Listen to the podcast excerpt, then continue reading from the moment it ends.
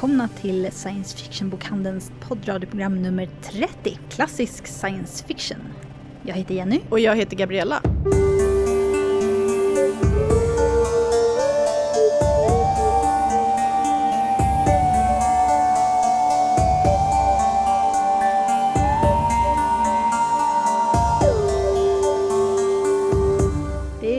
Att vi är uppe i 30 program redan. Ja, eller hur? Även om för oss så är det här nummer 27, så att vi får väl ta 33 som vårt stora jubileumsprogram. Ja, men precis. Och inte inräknat livepodden också som vi gjorde nyligen. En liveinspelning från när vi var på Vetenskapsfestivalen i Göteborg och diskuterade ämnet ömhet i rymden med bland annat Julie Novakova. Och den kan ni höra på våran Soundcloud och länkad från vår hemsida. Och i det här avsnittet så blir det mer rymd. Vi ska prata om klassisk science fiction. Vi har fått en hel del läsarförfrågningar om just det ämnet. Vad är science fictions klassiker? Var ska jag börja läsa? Och det diskuterar vi igenom lite. Jag och Gunilla kommer prata om just vad är en klassiker i vårt sammanhang. Vi har dessutom en intervju med Jörgen Görelv som driver Delta-bloggen. Om Delta förlag som utgav en hel del klassiker i Sverige. Så passar vi på att gå till vår butik i Göteborg också och prata lite med dem. De har ju precis öppnat ett nytt café. Och det här blir då första programmet av tre uppskattningsvis. Vi börjar i pre science fiction kan man väl säga, med Edgar Rice Burroughs, Mary Shelley, H.G. Wells och Jules Verne. För det blir alldeles för trångt om vi tar allting på en gång. Det finns mycket science fiction. Jajamensan. Och det känns synd att hasta igenom årtiondena. Vi kommer inte heller prata särskilt mycket om dystopier, för det kommer ett eget program längre fram, eller om svenska eller ryska klassiker. Vårt nästa program handlar nämligen om Östeuropa, så då plockar vi in dem där. Och så har vi dessutom ett speltips ifrån Andres på temat. Då ska jag hälsa Jörgen Görelf så hemskt välkommen till våran podcast. Ja, tack. Vill du berätta lite om dig själv? Du driver Deltabloggen. Vem är du och vad är det? Till vardags jobbar jag på en eh, designbyrå som heter Familjen Pangea, men Ja, själva anledningen till att jag är här nu då är väl att jag har gjort en blogg som handlar om Delta Science Fiction. Serien som kom ut från 70-talet fram till 90-talet. Och den har ju en ganska hög kultstatus här i Sverige, böckerna i den serien. Ofta med gula omslag. Vill du ge oss en snabb genomgång av vad det var för slags SF-böcker och varför så många kommer ihåg dem så varmt? Säkert av nostalgiska skäl. Förlaget började ju 1970 1992 av Sam J. Lundvall och Gunnar Dahl. Redan innan det så hade Sam jobbat på Askill och Kärnekull där han höll i en SF-bokklubb. Och den tog han ju med sig då till Delta.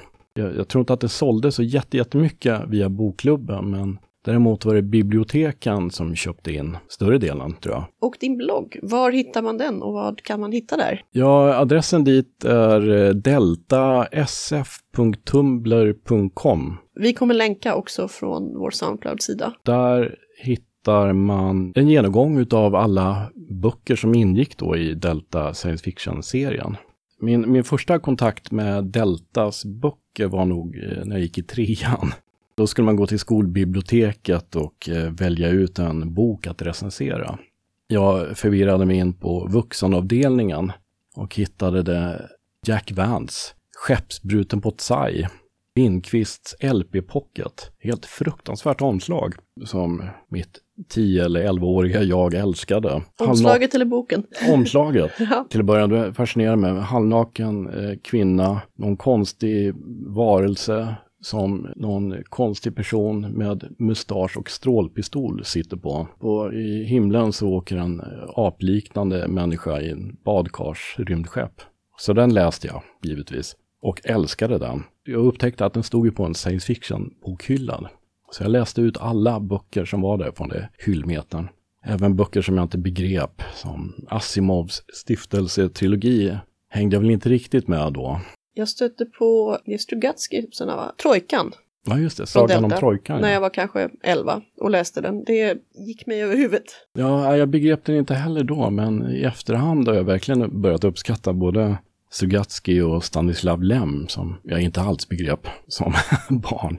Men det, någonting som slog en när man läste igenom alla de där böckerna är att det var, det var vissa böcker som var, man uppskattade mer än de andra och det, de hade något gemensamt. Det var de där gula omslagen. Så när man hade läst ut alla dem så cyklade man till eh, grannkommunens bibliotek och läste alla dem. Jag tror att min kontakt med, eh, innan man fattade att det var Delta förlag, som låg bakom dem, som också gav då ut Jules Verne-magasinet. Det var nog i novellantologin Eh, det hände i morgon som Delta gav ut. 18 stycken böcker tror jag det blev sammanlagt. Och där var det då att, där stod det i böckerna att de här novellerna är hämtade från Jules Verne-magasinet och om du vill läsa mer, skriv. Och det gjorde jag och började prenumerera på Jules Verne-magasinet. Vi ställde böcker därifrån när man fick råd. Det blev en liten samling. Sen när jag flyttade upp till Stockholm hamnade ju allting i magasin. Där låg de väldigt länge. Men så fort man eh, hade stött på en deltabok på loppis eller på Myrorna så köpte man den då. Jag undrar om jag läst den där eller inte. Eh, det hade man ju oftast. De var ju väldigt snarlika omslagen. Eh, det var ett generiskt rymdskepp med en titel som, med någonting med stjärnor i. Så att det, det slutade med att man hade både dubbletter och tripletter av de där för att få lite ordning i den där röran och när det blir mer systematiskt så börja fotografera av dem och ha i telefonen så att ja men de här har jag redan när vi till sist skaffade ett större lägenhet så fick jag äntligen öppna det magasinet, fylla bokhyllorna och ville gärna så här, täppa till de där hålen med böcker man saknade. Så jag började googla och leta på internet. Vad, vilka böcker fattas det egentligen? Hur många kom det ut och vad, vad ligger bakom förlaget? Jag upptäckte att det fanns inte så mycket information så tänkte jag att jag, jag har ju ändå fotat varenda bok. Varför inte lägga upp det på en blogg? För det borde ju vara någon annan som är intresserad också. Ja, jag känner direkt att det är kanske dig jag ska fråga vart man får tag i första delen av Tanit Lees Bit in till solen. Om man är på jakt efter en specifik deltabok. Mm, ja, kanske en dubblett. Ja, vi får kolla sen. Men det där med magasin, det är ju inte bara dina deltaböcker som har legat i magasin, för vi får ju in fortfarande nya ibland som verkar krypa fram ur någon hemlig vrå. Eller så har de förökat sig i mörkret. Och det är så kul att de säljer så fort. Vi skyltar upp dem, vi, vi lägger upp på Facebook och vår hemsida att nu har vi Delta-böcker. Och sen tar de slut bara så här, poff! Det är ju inte så många svenska böcker med över, vad är det, 30 år på nacken som bara går åt. Nej, och senaste batchen vi fick in, det var ju till och med första Delta-boken som kom ut. Jaha! Trifidernas uppror. Det, det är ju också så att Delta förlag gav ju faktiskt till en början inte bara ut SF, utan det var ju deckare och till och med korsordsmagasin. Ja. Eller korsordslexikon. Det där med eh, Delta science fiction-serien, de var ju numrerade och hade ju den där gula omslagen till sist. Jag tror inte att det var någonting som var självklart från början heller. Sen har vi också de här barn och ungdomsböckerna kanske de räknas som eh, Trollkarlen från Oz-serien ja, och så. De är ju också hett eftertraktade. Ja, det blev 14 Oz-böcker och det var väl sex Jules Verne-böcker också i en samling startades också en serie skräckens klassiker och science fictions ABC som var väldigt fina små novellsamlingar. En grej som är lite rolig är att numreringen är ju så lite förvirrande från början. Det var ju Delta science fiction-serie då, numrerades upp till 208 titlar. Sista boken, vilken var det? Det var Cthulhu 2, kom ut 88. Felstavad dessutom på omslaget. De hade glömt ett U. Oj. Men tre titlar verkar aldrig ha kommit ut. Så det är hål i numreringen? Det är hål i numreringen, det är icke utgiven. Sista boken då som borde ha kommit ut som en 207, ett litet mysterium. Världen utanför utav Van Vogt. Enligt vissa bibliografier är den utgiven, men det är ingen som har sett skymten av den. Sen kanske inte var direkt meningen att det skulle bli en Delta science fiction-serie, för de, den första boken, Trifidernas uppror, är ju tydligt numrerad på ryggen, en stor röd etta. Men i inlagan står det Delta 2. Och i bok nummer två som kom ut 72 eller 73, Jag Robot av Isaac Asimov, där stod det Delta 3 på. Och bok nummer tre, Mot nya världar, där stod det snarare 4 på. Sen går man upp numreringen helt enkelt. Det fick komma det som kom, men man återgick sen 76. Så helt plötsligt dök siffrorna upp igen. Då började man med nummer 42. Och sen eh, fortsatte böckerna bli numrerade. Sen är det andra böcker också som kanske inte riktigt har tålt tidens tand. Det är ju lite som Asimov, som man till sist älskade som tonåring, stiftelsetrilogin. Eh, när man läste om dem igen för tredje gången upptäckte man, ja, jävlar vad stolpigt det här var. Heinlein, det är ju lite, lite problem med kvinnoporträtten där, Ja. inte helt sällan. Och det, det är någonting som 11-åringen inte riktigt upptäckte, men sen när man läser om Van Vogts eh, 0A-böcker, det- jag kan inte riktigt fatta vad jag såg i de där överhuvudtaget. Det är märkligt det med, med kvinnor alltid mest i vägen eller bara snygga. De fick ingen större plats där. Det känns väldigt märkligt att läsa idag. Då kan jag fråga, vi har fått några förfrågningar här till vår podcast. Vad ska man börja läsa science fiction om man vill läsa science fiction-klassiker? Vad, vad är det? Om du tittar på just Deltas utgivning, vad är, tycker du att det är lämpligt att hålla ögonen öppna efter på en loppis eller hos Myrorna? Antologin Det hände imorgon, väldigt bra noveller tycker jag. Den tunga inkörsporten för mig. Sen i just i den serien, eh, Clifford D. Simax böcker var ju, håller ju fortfarande väldigt, väldigt bra. Jack Vance, Den döende jorden, har fastnat som en favorit hos mig. Många bra böcker utav Harry Harrison, Ge plats, ge plats. En stor favorit fortfarande. Hans antikrigsbok Hjälten är också fantastisk, fast den kom ut på Askild och Kärnekull. Och sen är det väl även han som har skrivit Stålråttan-serien. Ja, just det. Pulpig rymddeckare. Det är lustigt att den är hjälten och är nästan mot, eller med det motsatta mot den. Men eh, då ska jag avsluta och fråga, nu har du fotat av alla dina Delta-böcker. Har du något annat kul science fiction-relaterat projekt på gång? Jag saknar fortfarande en oss-bok. Ja, Nej, jag håller på, i och med att man börjar bli komplett med Delta. Det, är också det, en lustig grej att Samje Lundvall som låg bakom förlaget, han drog sig, till, drog sig tillbaka från offentligheten. Så att det är väldigt många, i och med att nu när jag har bloggen, som har ställt frågor direkt till mig istället. Och jag har gjort det bästa jag kan för att besvara de frågorna. Och då, dels för att det är otroligt roligt och eh, ger mig tillfälle att försöka lära mig mer. Så jag har lusläst Jules Verne-magasinet och håller faktiskt på då att sätta ihop ett index, eller en bibliografi över eh, utgivningen från 69 och framåt påbörjades det här magasinet 69 eller är det äldre? Jules Verne-magasinet var ju pulptidskrift egentligen från 40-talet. Kom ut mellan 1940 och 1947. Det gjordes en bibliografi, Jan Myrdal var redaktör för den och Mats Claesson gjorde ett index, en noggrant index med eh, vilka författare, noveller och översättare. Vad jag gör då egentligen fortsatt på den bibliografin. Då ser vi fram emot att ta tag i den också. Tack så mycket! Ja, tack själv. Science fictionens guldålder brukar ju beskrivas som 40 och 50-talet i USA när Isaac Asimov, Robert Heinlein och många andra skrev och också skapade science fiction-fandomen med kongresser, diskussioner om dessa böcker och en slags identitet som ett SF-fan. Men alla litteraturhistoriska epoker har rötter bakåt och man brukar säga att science fiction i mycket kommer från de utopiska författarna som skrev drömvärldar och ja, hela vägen tillbaks till typ 1600-1700-talets absurda barocka världar där man hittade på alla möjliga grejer. Vi har Margaret Cavendish som har lite återupptäcktes under en feministisk våg. Jag skulle säga att även eh, Jonathan Swifts Gullivers resor kan räknas in i den typen av litteratur, även om han är långt ifrån utopisk. Men var började science fiction som vi pratar om det idag? Var började man tänka fiktion och vetenskap ihop? Jag har med mig Mats här för att diskutera detta och vad är ditt svar på den frågan? Hej, hej. Jag kan i alla fall argumentera för att science fiction föddes, eh, vad var det, 1817 någonting sånt där tror jag. Det var en kvinna som födde den och hon var Mary Shelley. Hon var åtminstone, jag tror 18 år gammal, någonting sånt där. Du vet den där klassiska anekdoten, eh, och det stämmer ju tydligen också, den där sommaren det bara regnade, regnade vid Genèvesjön och Mary och hennes man Percy Shelley och Lord Byron var där och då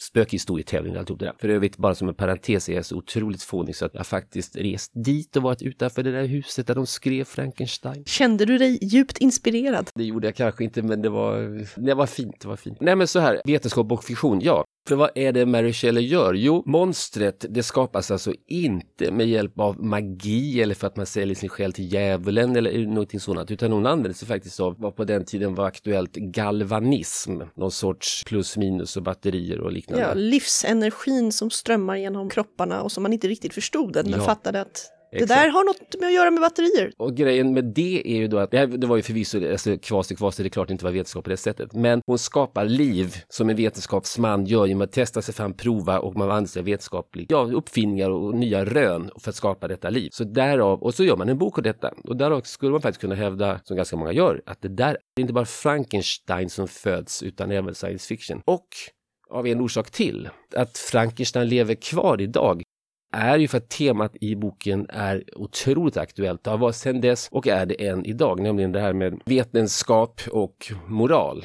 Det är ju så att vetenskapen går fort framåt, tekniken, uppfinningar förändrar vårt liv, men vår moral, den går långsamt, långsamt framåt, om den nu ens går framåt. Den ligger långt efter i alla fall. Det som händer i Frankenstein förstås, det är ju, ja, vi kan skapa liv, men vad blev det för liv? Vad fick monstret för liv? Det var inte mycket. Nej, det är ju mycket speglingen också. Vem är egentligen monstret? Ja, exakt. Och det är samma sak där. Det gäller för vetenskapsmannen och vetenskapskvinnan än idag. Det kommer alltid något ont av de mest goda intentioner. Vi kan ta allt ifrån atomkraft som skulle förändra världen på 40-50-talet det blev en atombomb. Vi kan ta antibiotika, fantastisk uppfinning, men som man också kan proppa i 10 000 kor på minimalt utrymme så de får ett, ett, liv fyllt av lidande och plågsam död helt enkelt. Och så vidare och så vidare. Den tematiken finns i Frankenstein och den fångade Mary Shelley och det är, det är en klassiker. Mary Shelley var ju starkt anknuten till den utopiska socialismen i England på den tiden som var både politisk och litterär och konstnärlig rörelse och hennes mor skrev ju till försvar för kvinnans rättigheter ett ja, manifest om precis vad det låter som. Så det var även en hel del politisk tanke i det hon skrev. En annan tidig för SF-författare, men ändå efter Shelley, som var betydligt mindre politisk skulle jag säga, är Jules Verne, som skrev de här stora äventyrsresorna.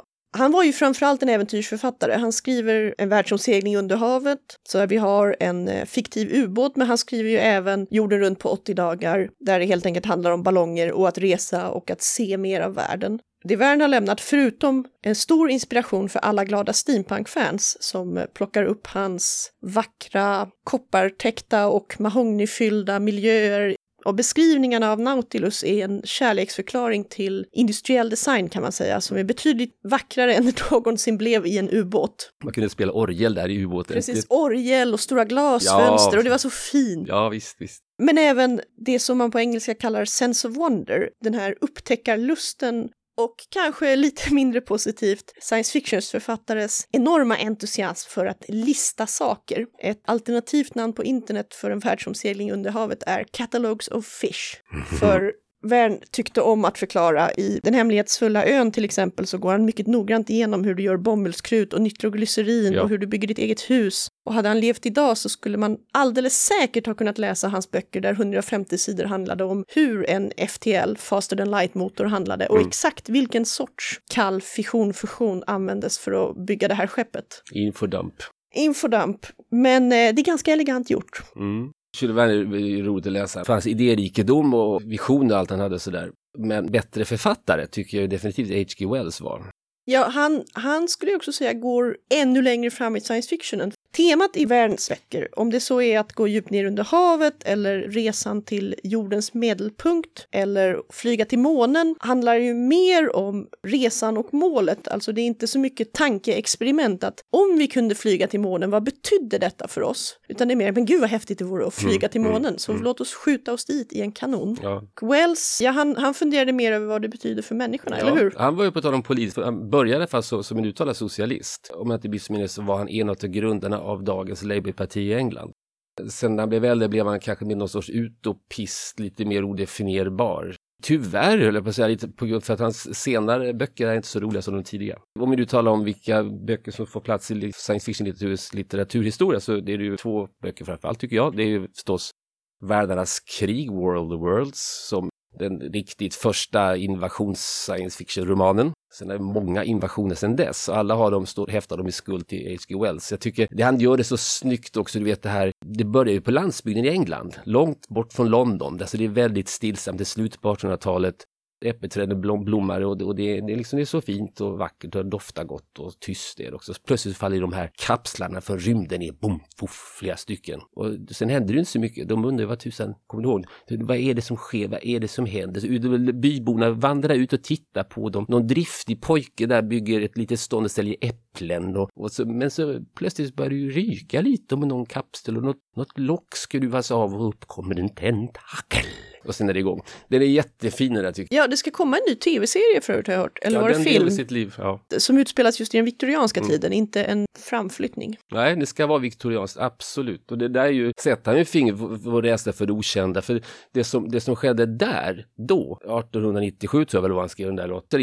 Efter vilken förödelse blev inte det. Men också att man insåg med hjälp av teleskop som, som plötsligt var riktigt duktiga. Man kunde se att det finns planeter, det finns, det, allting är mycket större än vi någonsin trott. Och i och med att den vetenskapen kom så kan ju författare börja spekulera, spekulera vad finns det då där ute? Det är in, inte som på 1700-talet, vi hittar på någonting, utan man kunde vetenskaplig spekulation. Om man ser på till exempel Dantes världsbild i Inferno så, ja, han gräver ju djupt i de texter som har skrivits och spekulerar i hur, hur är helvetet och himlen. Men han kan ju inte observera någonting, han kan bara Nej. ta andra människors filosofier och, och liksom upptäcka dem. Ja, men precis. Och, och Hågeberg, den andra då, Tidmaskinen. Vilken fantastisk bok. Den första tidresenären som, som åkte riktigt långt. Skulle tippa att det ser ut som en, en, en motionscykel. En enkel motionscykel, det är tidmaskinen. Så ställer man in dit man vill åka och så trampar man typ Alltså färdas man i tiden. Det, det där är naturligtvis totalt ovetenskapligt. Men vetenskapen i, i sig bygger ju på att även där vetenskapen, geologi inte minst, har börjat inse att jorden inte alls 5000 år gammal. Det, vi tar, och inte ens en miljon, vi talar miljard Man börjar, man börjar få upp tidsperspektiven. I samband också då med eh, att man insåg att universum är så mycket större än vi någonsin tror. Och den där tidmaskinen, ja, den är fantastisk. När tidresenären, han till slut, han beger sig så långt in i framtiden. Livet dör ju ut på jorden. Han åker så långt in så att allting bara går under entropin. Det låter depressivt. Den är, fantastisk på slutet, en entropi. Han sitter på sin cykel och skådar över en jord där solen aldrig stiger upp, den är bara vid horisonten och den är bara röd. Och allt i livet går under. Det är en sån här meditation över intigheten och meningslösheten med livet. Skitbra science fiction, tycker jag. Så det är så. Men den låter inte så himla utopisk. Nej, den är dystopisk fast på ett, på ett väldigt filosofiskt plan. Sen får den in massa politik också i det hela för att i, i den där avlägsna framtiden innan entropin så är det den här Morlocks olika samhällsklasser som utnyttjar, alltså det, nej det är jättedystert och jättevackert. Du nämnde Morlocks och det är ju ett ord som jag vet har används av andra författare. Mm. Och det, det, är ganska kul med de här gamla böckerna, man läser dem ibland och man bara åh, det är därifrån det här begreppet kommer. Marsianerna i sina tripods och hela tentakelgrejen mm. är rolig att ha läst för att se hur det speglar sig i nyare litteratur. Jag såg också nyligen en eh, teaterpjäs som var baserad på Dr. Moreaus ö, skriven av Wells av Rickard Lekander som vi faktiskt har en intervju med i en av våra absolut tidigaste poddar. Det kommer länkas i texten till det här avsnittet om ni vill höra oss prata med honom om hans Lovecraft-pjäs som gick på Dramaten för några år sedan det är kul att man kan ta upp ett så gammalt verk och sedan bearbeta det. Man hade lagt till lite mer diskussioner om demokrati och politik, men i stort sett behållit originalberättelsen. Nere på Momentteatern i Gubbängen körde de den. Den är tyvärr slut nu, för som så många andra mindre teatrar så har de ganska kort speltid. Are we not men? Men nu har vi talat om Mary Shelley, H.G. Wells, Jules Verne. Vilka mer av de stora, riktigt tidiga namnen bör nämnas, tycker du Mats? Edgar Rice Burroughs, som förstås är mest känd för Tarzan, men han gjorde också John Carter på Mars, en serie om jag tror det var 11 böcker. Och den tycker jag ska med i det här sammanhanget därför att det är den första riktigt, in, inte space opera för vi är fortfarande inom solsystemet, men Pulp SF med, med rymden som ett, ett enda stort fantastiskt färgglatt äventyr. Så det handlar ju då om, om jordlingen John Carter som är med i, jag tror det ska vara inbördeskriget, något av kriget krigen i USA. Så då kan han somna vid någon mystisk indianklippa och så vaknar han på den röda planeten Mars. Jaha, jag trodde han åkte dit. Nej, nej, nej, nej. Han färdas i drömmen. Men, men kroppen också, alltså han vaknar upp där. Det, det är ju sort of science fiction. Så han, han kan ju hoppa mycket längre än alla andra för det är ju lägre gravitation på Mars. Det hade Burroughs koll på. Och där blir det massa äventyr. Han, han blir kompis med den fem, gröna fem, femarmade, sexarmade, ja någonting, grönt monster som är, som är skitbra på att slåss med svärd, är god i hjärtat. Och så blir han ju kär och gifter sig med krigarprinsessan Desha Tori, Warrior Princess of Mars som är röd. Och vet du vad som är mycket roligt? Eh, De gifter ju sig sådär. Ja. Men någonstans, hon lägger ägg. Hon ägger och, så, och, det är, alltså, och det är så ah, skrivet på sådär sätt som man bara älskar. Man bara rycks med för Burroughs kan konsten få med att läsa in i äventyret. Och så är det alla exotiska varelser på Mars och allt som händer, öknarna, allt, allt det där. Han dramatiserar allt det vetenskapen visste om planeten använder på ett jättebra sätt. Nu, nu ska väl tilläggas att ganska mycket av det vetenskapen visste om planeten på den tiden var fel. Ja, ja, ja. Det, kan, det finns ju massor med kanaler och vatten naturligtvis. Ja. Det är fortfarande lite torrt är det. Det är inte så mycket vatten kvar. Så att vatten är en bristvara så de hade lite koll. Sådär. Men, men framförallt äventyret. Alltså att sätta fantasin ibland på, på visst vilda västern eller deckare och sådana saker. Men, men äventyr på en annan värld. Liksom, wow. Alltså det där är ju en, en sak man kan se spår av. Myten om vilda västerns inflytande på science fiction. Och nu menar jag inte bara i Tillbaka till framtiden 3, där DeLoreanen hamnar i västern, men även eh, Star Trek som beskrevs som the wagon train to the stars. Ja, Och the new, the new frontier. Precis, hela, hela idén om det nya landet. Som även har problematiserats av betydligt senare författare, 80, 90, 2000-tal. Att, men det var ju inte en tom frontierland. Det var inte bara att plocka för sig av alla skatter som eh, Amerika e-, erbjöd. Är det verkligen bara att roffa åt sig rymden också? Eller bor det marsianer där? Ja, ja, men Så det, det går att diskutera. Ja, visst gör det. Men det det vi kolonialiserar. Vi, jorden Ja. har vi gjort, det finns mycket mer att upptäcka. Men i rymden finns det jättemycket vi kan kolonialisera. Vi kan komma och sprida människornas fina budskap om, om broderskap och fred eller kapitalism eller socialism, whatever. Det, det går jättebra. en, en spännande cirkeleffekt när man kan gå tillbaks till de gamla berättelserna och säga mm, men så här tycker jag inte det borde vara. Nu ska jag skriva om det så att framtiden speglar min tid och Ja, mina ja. ideal. Nu kommer vi få höra ett litet, eh, ja just koloniseringstips för Andres kommer berätta om Alien Frontiers och Twilight Imperium där man själv kan spela rymdkolonisatör på vilda äventyr. Och sedan så kommer jag och Gunilla diskutera vad en klassiker egentligen är och gå in på 40-talet. Jag och Mats återkommer i ett framtida program där vi pratar om 50-talets stora författare, bland Ja. annat Arthur C. Clarke, Ray Bradbury, Marion Zimmer Bradley och Doris Lessing. Ja, absolut, gärna. Kul, kul. Andres, what games do you think we should play this month?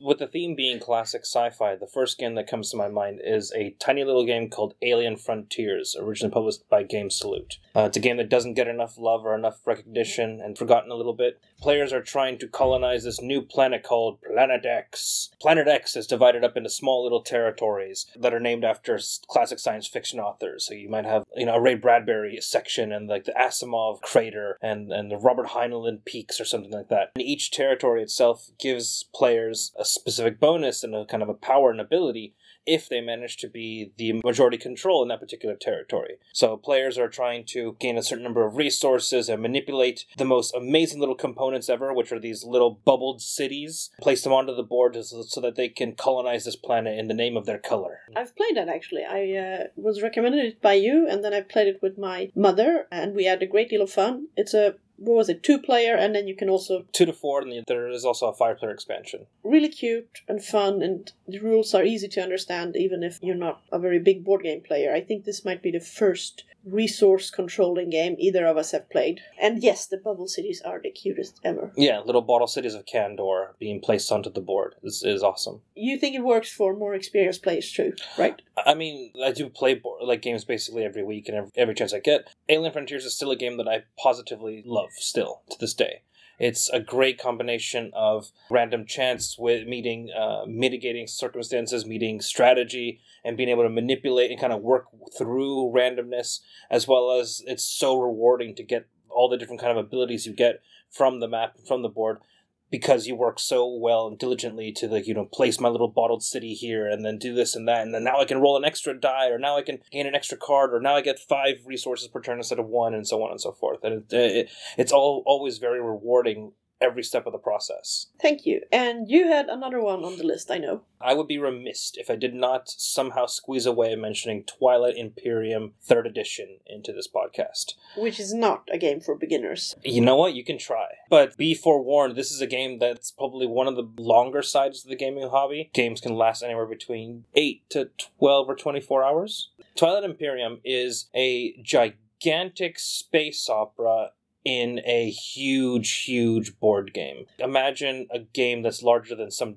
small children. Or, Uh, you, or- you mean like a physically box. now? Yeah, like Yes. a box, like an actual box that's probably even a full meter wide by half a meter like long. It's a gigantic beast of a game, and when you get it all sprawling out on the table, you will feel this big, huge, grandiose theme of politics and exploration, cultural building, and technologies and growth and philosophies and everything in this huge, huge, massive game. What type of game are we talking? The category is what's called a 4X game. It's a specific kind of game for very heavy gamers. A type of strategy style, kind of like board game or even video game nowadays, that has existed for many years. The idea is that players are controlling, let's say, an empire, a culture, and they're going to explore, expand, exploit, and exterminate different kind of things. Players are playing as like kind of individual kind of like cultures or as leaders in the cultures, building out their empire how they kind of want and going through different things to actually gain the most amount of victory points. You'll score it on a certain scale. It's a huge, free flowing, gigantic game with a lot of different avenues to victory and strategies. Or even if you're playing like a, like a full complement of players, you're planning your turn immediately after your turn is over, just because you know it's going to take the next player like a good 10 minutes on his turn, 20 minutes on the- another player's turn. So by the time it's back to your turn, it's like another, you know, half hour. And then you get your 45 minutes of playtime, but just, just doing all the crap you want to do. This is a type of game I have no experience with, but can you tell me some fun moment? Last time I played it, I have a friend who I believe I think his girlfriend's family owns one of those little small cottages in the archipelago. We went out to this little cottage and we had planned out, okay, what we're gonna do is play Twilight Imperium. That was what like all six of us were gonna do that weekend, and it was one of the most funnest experiences I've ever had playing a board game because it was just the most relaxing thing ever. We had nothing, no, no stress, just hanging out, like just drinking some beers, brought brought over some food to grill, and just played this one game for like two days straight. Gaming Island. Yeah.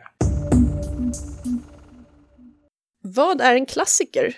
Det är ju en väldigt vid fråga, men jag tänkte att jag och Gunilla här Ja, hallå, hallå. ska ta och diskutera den lite med inriktning på just det vi har här i science fiction-bokhandeln. Och då vet jag att Gunilla, du har ju väldigt bra koll på våran eh, hemsidestatistik och lite så. Vad är det egentligen för klassiker vi har som fortfarande läses? Vi kan ju se på topplistorna att det finns en del äldre böcker som fortfarande säljer bra. Och allra högst upp på den här listan över böcker utgivna, säg före 75, som vi säljer mycket av, ligger Frank Herberts Dune. Om kampen om kryddan på ökenplaneten Arrakis. Och när du säger kryddan, då menar du då bokstavligt spice. must flow. Kryddan som är grunden för det galaktiska imperiet i och med att den används av navigatörerna för att de ska kunna färdas i en sorts jump space mellan stjärnorna. Den finns bara på ökenplaneten Arrakis. Den är knuten till ekologin kring de väldiga och mystiska sandmaskarna som också spelar en stor roll i boken. Ja, eh, Sandworms of Dune är ju lite av en meme nästan, även bland folk som inte har läst böckerna. Och eh, jag vet att när David postade en eh, vacker bild på en eh, bit papper ur en papperskorg så fick det väldigt många likes på vår Facebook eftersom han taggade den med “Har vi en sandmask i huset?” Ja, de har blivit ett begrepp. De är, spelar en stor roll i boken, de spelar en stor roll i slutet av boken. Jag vet inte hur mycket man får spoila, men den här boken är ju från slutet av 50-talet, så de flesta vet nog hur den slutar. När Muad'Dib på Atreides och ökenfolket Fremen anfaller kejsarens posteringar ridande på de här väldiga sandmaskarna. Jag kan fråga bara lite genremässigt. Dune utspelas väl på ökenplaneten? Det är space opera men inte, inte rymdskeppsopera, eller hur? Det finns rymdskepp i den. Eh, Pauls familj kommer utsända som en slags feodalvasaller av imperiets härskare. Och de ska kontrollera den här kryddproduktionen. Men i själva verket finns det en konspiration mellan kejsaren och baron Harkonnen, en synnerligen skurkaktig skurk, som eh, slår ut Atreides och driver unge Paul Atreides i exil ut bland de berber, eh, nomad, berberliknande nomaderna i öknen där han blir en messias. Dune är ju en av de serier som dyker upp lite ibland när man läser diskussioner och artiklar om orientalism och exotifiering i science fiction. Men samtidigt så vet jag att den ändå anses vara en bok som håller, alltså av kritiker, inte bara av bokköpare, till skillnad mot vissa andra titlar som är i stort sett helt oläsliga eller vissa författarskap som Lovecrafts där man helt sonika får plocka bort vissa. Ja, det, det är väl så att Frank Herbert, man kanske inte ska dra jämförelsen för långt, men i likhet med Tolkien så tror jag att Herbert lade ner väldigt mycket jobb på den här boken. Han jobbade mycket med ekologin på Arrakis. Han jobbade mycket med att plocka språkliga fragment från olika håll, från arabiskan, från hebreiskan. Och exotismen är väldigt väl integrerad i berättelsen. Så står man ut med exotismen och det barocka rymdimperiet och ja, det är ganska mycket klyschor, så är det väldigt, väldigt välgjort. Varför tror du att just Dune har blivit våran bästsäljande klassiker då? Jag tror att den, precis som Tolkiens Sagan om ringen, tar upp stora 1900-talsteman som imperier i förfall. Herbert måste ju ha tittat på dubbelmonarkins förfall på Habsburgarna och på Bysans och också oljans betydelse för den framväxande industrialismen som blev tydlig efter kriget som här i kryddan då på Och Arrakis. Ju fortfarande är, alltså oljan och resursberoende är ju fortfarande en fråga som känns aktuell även om detaljerna har ändrats. Ja, den är inte speciellt tidsstämplad så att säga och den har ett väldigt episkt svung och den slutar på ett väldigt speciellt sätt när Paul Atreides inser att han har släppt löst jihad över galaxen och det finns ingenting han kan göra för att stoppa det här. Han är bara ett litet löv i vinden som alla andra. Den har sådana storslagna ögonblick och många roliga idéer och termer och tankar. Du sa slutar förresten. Jag vet att vi har väldigt många Dune-böcker, en del skrivna av Frank Herberts eh, son eller någon samarbetspartner eller någonting. Ja, Var föreslår du att man eh, slutar läsa? För alla är inte lika bra tyvärr. Jag tycker att man kan sluta efter Dune.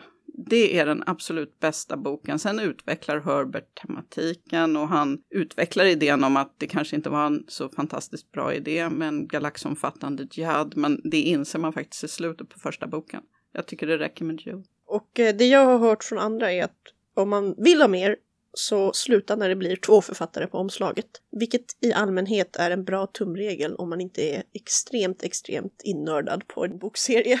Ja, många kockar är sällan riktigt lyckat, särskilt inte när en kock började Ja, på precis. soppan. Är det två från början kan det bli mycket bättre. Ja. Men för att ta, titta på några andra klassiker som jag vet fortfarande funkar här hos oss.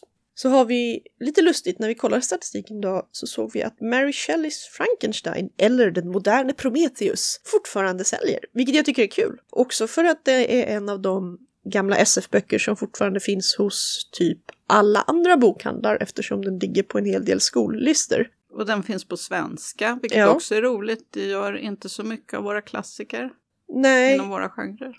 Men eh, vi har ju till exempel, jag vet inte om vi har den just nu, men vi hade förut Udolfus Mysterier som är en sån där som dyker upp på litteraturlistor och den eh, låg inte på våra topplistor kan jag ju säga. Nej. Så att det är inte bara skolungdomar som tvingas hit för att köpa Frankenstein.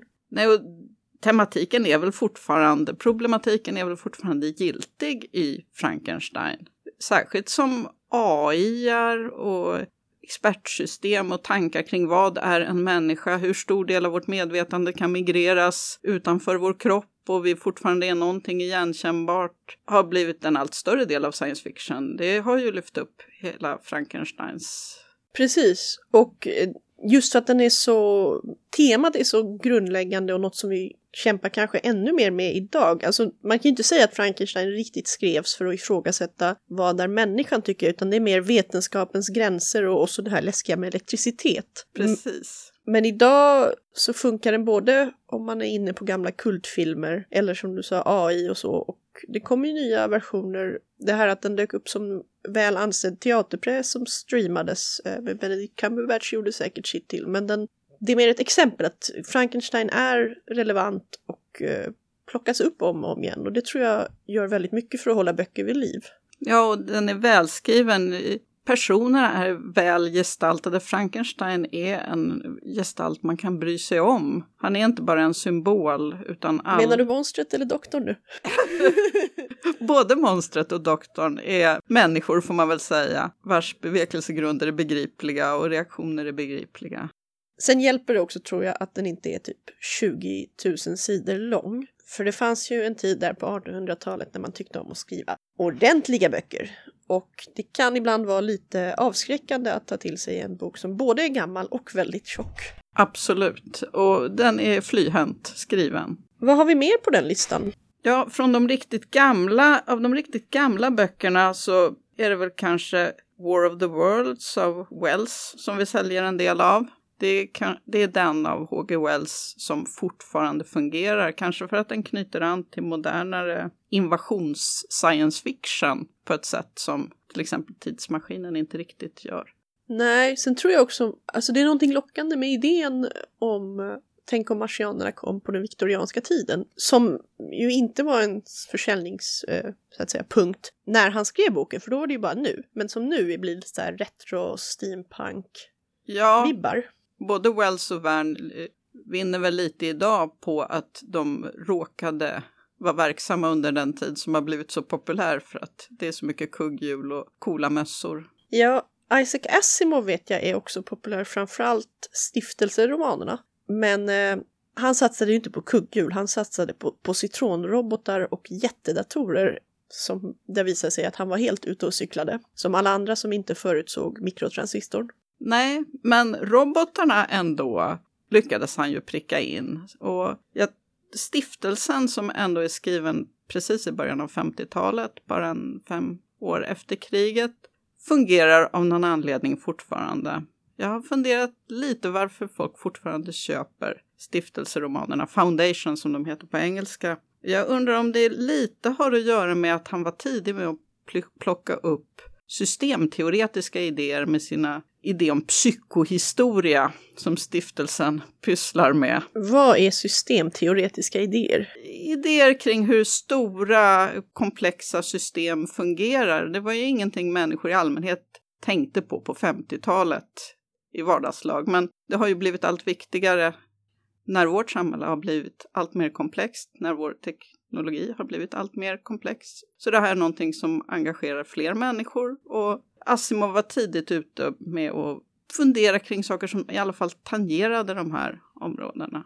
Och Asimov är ju eh, han, är ju, alltså han skriver ju lättillgängligt. Han skriver inte direkt lysande prosa kan man inte säga. Jag älskar en del av Asimovs berättelser, men han har alltid skrivit så att idéerna förs fram på ett lättförståeligt sätt. Ibland påminner det mig lite om Jan Guillou, väldigt redovisande, men du förstår, det går fort att läsa. Ja, och lika med, likhet med Mary Shelley och också Frank Herbert så tycker jag att han lyckas ibland pricka in roliga, minnesvärda gestalter som Mulan i stiftelsetrilogin som man kommer ihåg. Och Danil Oliev som är en väldigt god robot som blir en så här omaka par polisassistent åt en mänsklig polis i sin första boken där han dyker upp och sedan så involveras han i flera händelser inklusive en med Giscard, en telepatisk robot. Han ser ut som en människa då, eh, vilket är lite ovanligt med Asimovs robotar som annars är ganska mycket åt plåt-Niklas-hållet.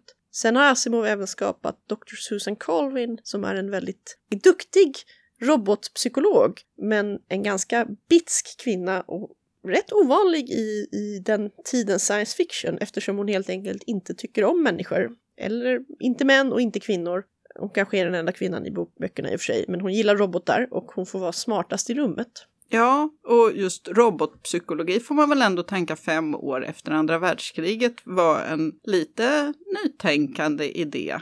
Så jag tror att gemensamt för många av de här vi funderar över som klassiker är väl att de var uppfinningsrika och de tänkte igenom sina idéer ordentligt. De gjorde ett bra grundarbete. De, de skrev inte pulp utan Nej. någonting annat. Och Asimov, han har ju varit rätt tydlig med att han skrev eh, mot, mot Frankenstein-komplexet som han kallade det. Han tyckte inte att robotar skulle vara onda. Sen handlar väldigt många av hans noveller om robotar som gör dumma saker och de människorna som måste överlista dem. Men en annan sak det jag tänkte på när du pratade om Dune, att eh, även stiftelsen handlar ju om imperier som förfaller och hur man ska använda den här psykohistorien för att komma över kaoset snabbare så att inte hela galaxen i stort sett förfaller i barbari. Vilket däremot är en vanlig pulpidé.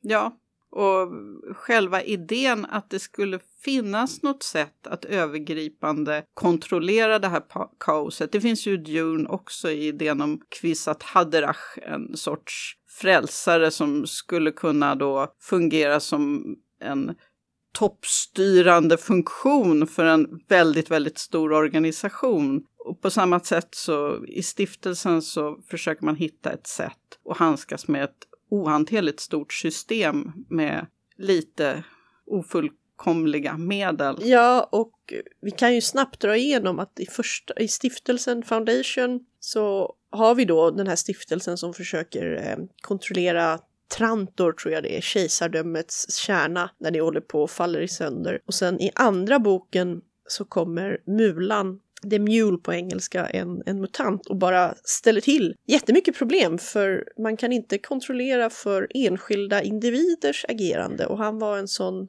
Han stör hela... För att återigen låna en internetmeme, han var en Spiders George som äter 10 000 spindlar och inte är en statistical anomaly ja. och borde inte få finnas. Och sedan avslöjas också att det finns en hemlig andra stiftelse, för skaparen av denna teori förutsåg att det kommer nog komma något skit och ställa till det. Så det behövdes en så att backup. säga en backup-plan. Och sen får vi se hur det går. Sen eh, fortsatte Asimov mycket på det spåret med lite prequels och hans band ihop det. Eh, så att till sist så är nästan alla hans romaner, alltså robotnoveller, robotromaner, kejsardömestidsromaner, stiftelseromaner och efterstiftelseromaner en enda lång serie som man inte alls behöver läsa alla delar av. Hoppa framförallt över de som handlar om kejsardömestiden, för de skrev han när han var väldigt ung och jag har läst dem och jag tyckte inte de höll ens när jag var 16 år och helt Asimov-frälst.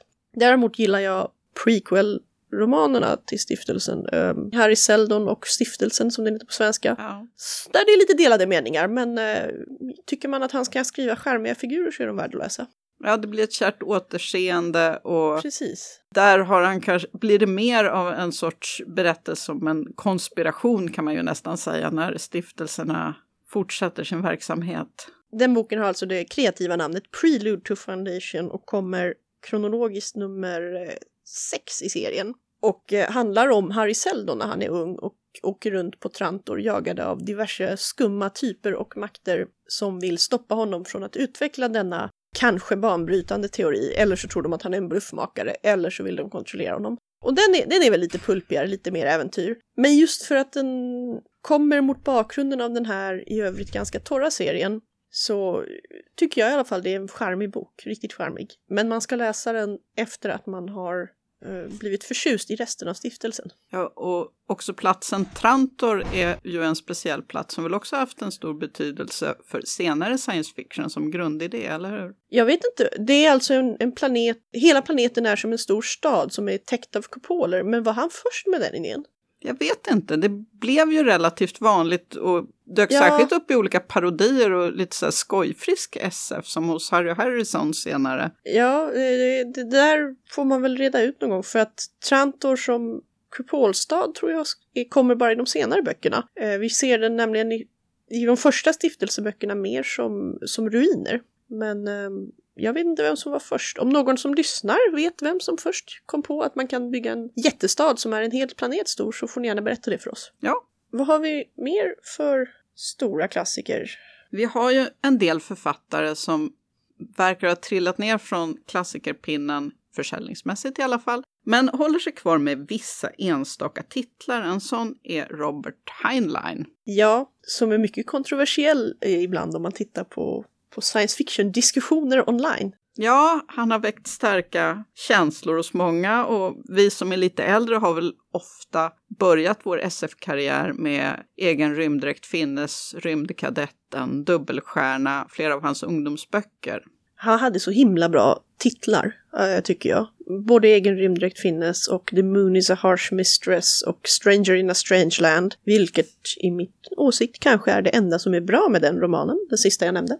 Ja, den säljer ju lite grann, men framförallt dess, om man får säga, tvillingbok som skrevs nästan samtidigt, Starship Troopers, är ju då fortfarande vår bästsäljare vad gäller Highland-böcker. Antagligen för att den är en sorts blueprint för senare militär-SF, där man kastar sig ut och skjuter på skalbaggar i rymden. Ja, jag tror de är spindlar.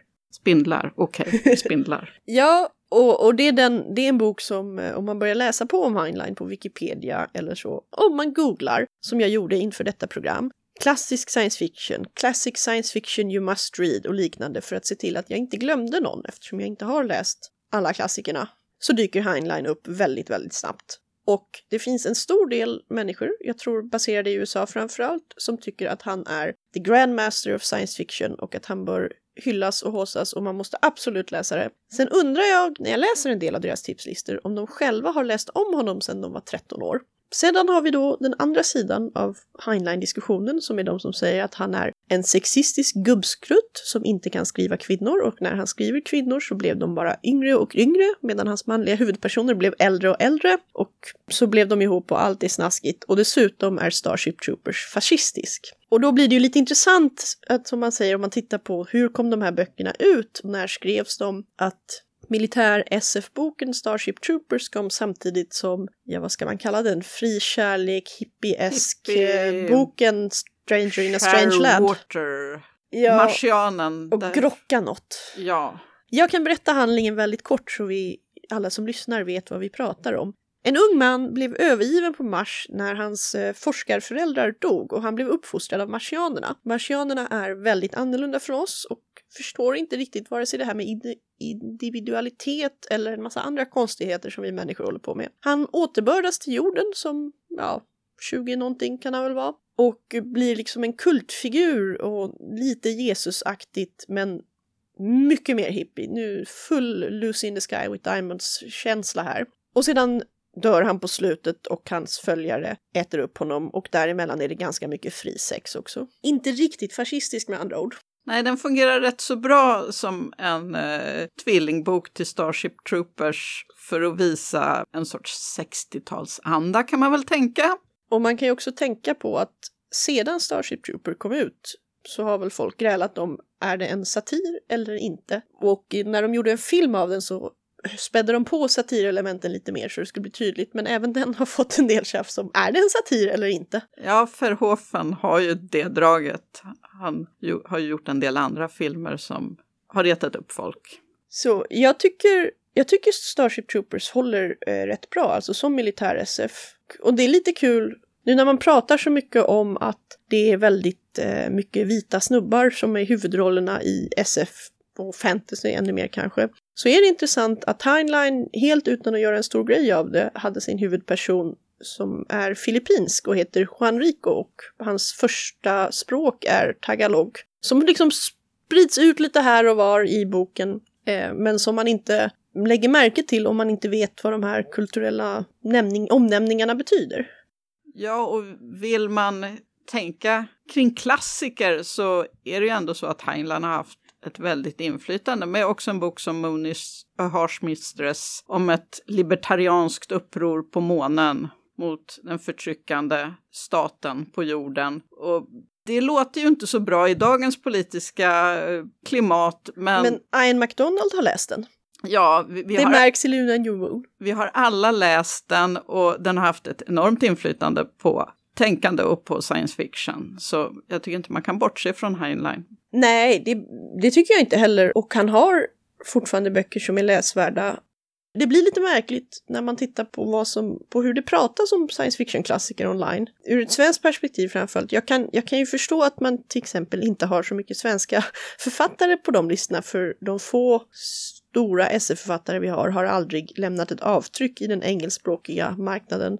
Men däremot har det valts bort, eller man ska säga, en del andra författare som på sin tid sålde mycket och, och som har väldigt positiva Wikipedia-artiklar skrivna om sig och så vidare. Till exempel Andrew Norton som tydligen var en så här pulpmästarinna och där jag kom in på ämnet om gammal SF med Ann Leckie och hon sa glatt ja, jag har läst massor av henne, jag har läst säkert hundra böcker, hon var så fantastiskt bra. Men som, som bara inte tas upp i diskussionen som ja, det här är en gammal SF-klassiker som påverkade andra SF-författare. Det, det är intressant att titta på Heinlein både som författare och som, ja, hur metadiskussionen kring Heinleins författarskap ser ut. Vilka författare som får trådar framåt i tiden och vilka som huggs av Precis. någonstans. Om jag minns rätt, jag läste också en del av de där små färgglada Norton-böckerna på 70-talet, så var det en hel del telepati i dem. Det var space opera på olika glada planeter och möjligen så finns det en del sådana inslag som förhindrade att de sen fick en fortsättning framåt. Telepati till exempel är ju en sån idémässig tråd som har huggits av från Ja. science fiction. Ja, ja, vi kanske inte har lyckats helt besvara frågan på vad är en science fiction-klassiker, men vi har i alla fall diskuterat lite om vilka science fiction-klassiker som fortfarande verkar hålla här hos oss. Och mina personliga rekommendationer där är nog av de vi nämnt Isaac Asimovs Robot Dreams eller The Complete Robot som är hans noveller. Tycker man om hur Asimov skriver robotar så kommer man uppskatta hur han skriver resten. Jag kan inte säga annat än att alla våra kunder som har köpt Dune har ändå i någon mening rätt. Köp Dune ni också och läs den.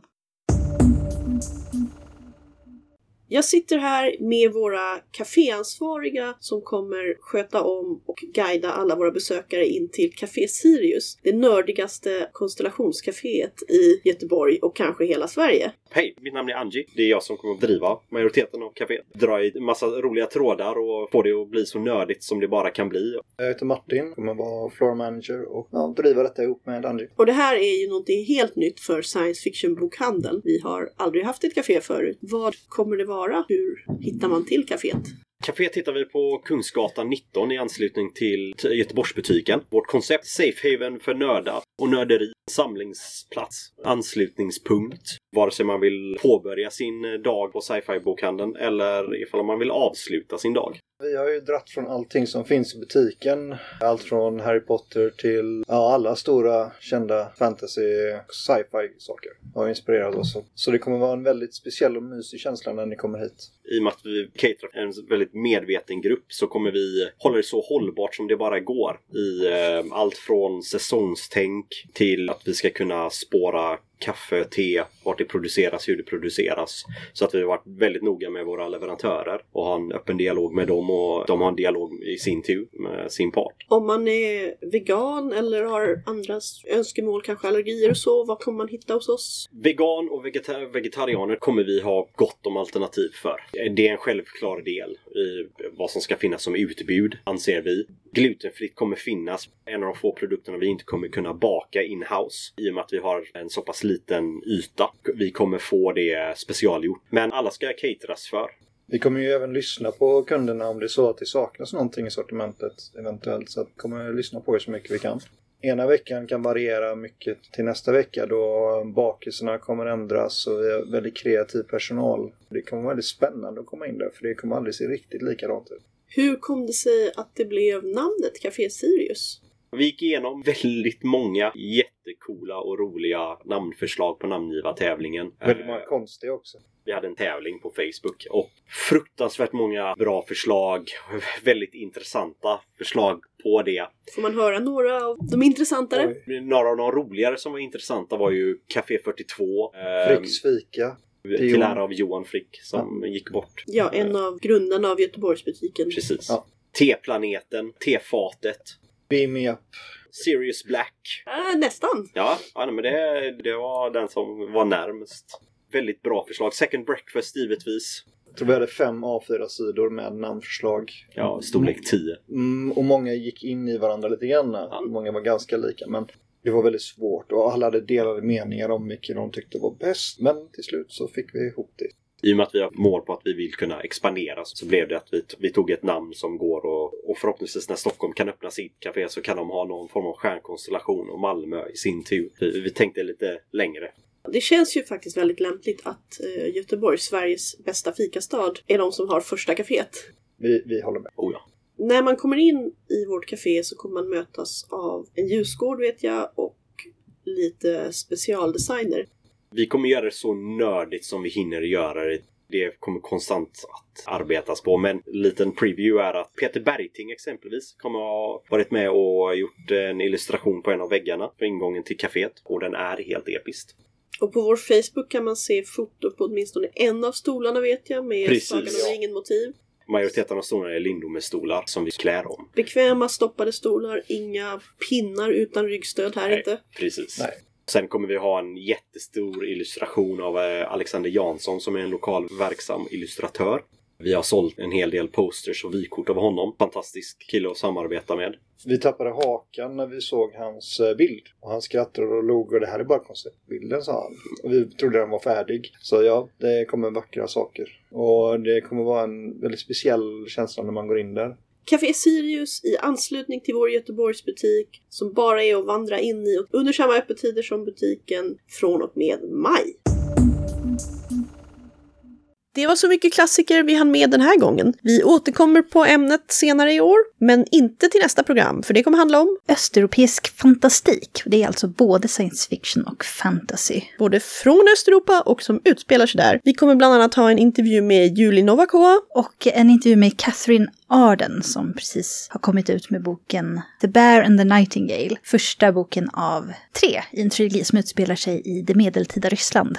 Och naturligtvis pratar vi även Metro 2033, The Witcher och Strugatskis. Om ni har några åsikter, förslag eller tankar om programmet så ta gärna kontakt med oss på Facebook, mejla. Till fragor sfbok.se. På återhörande!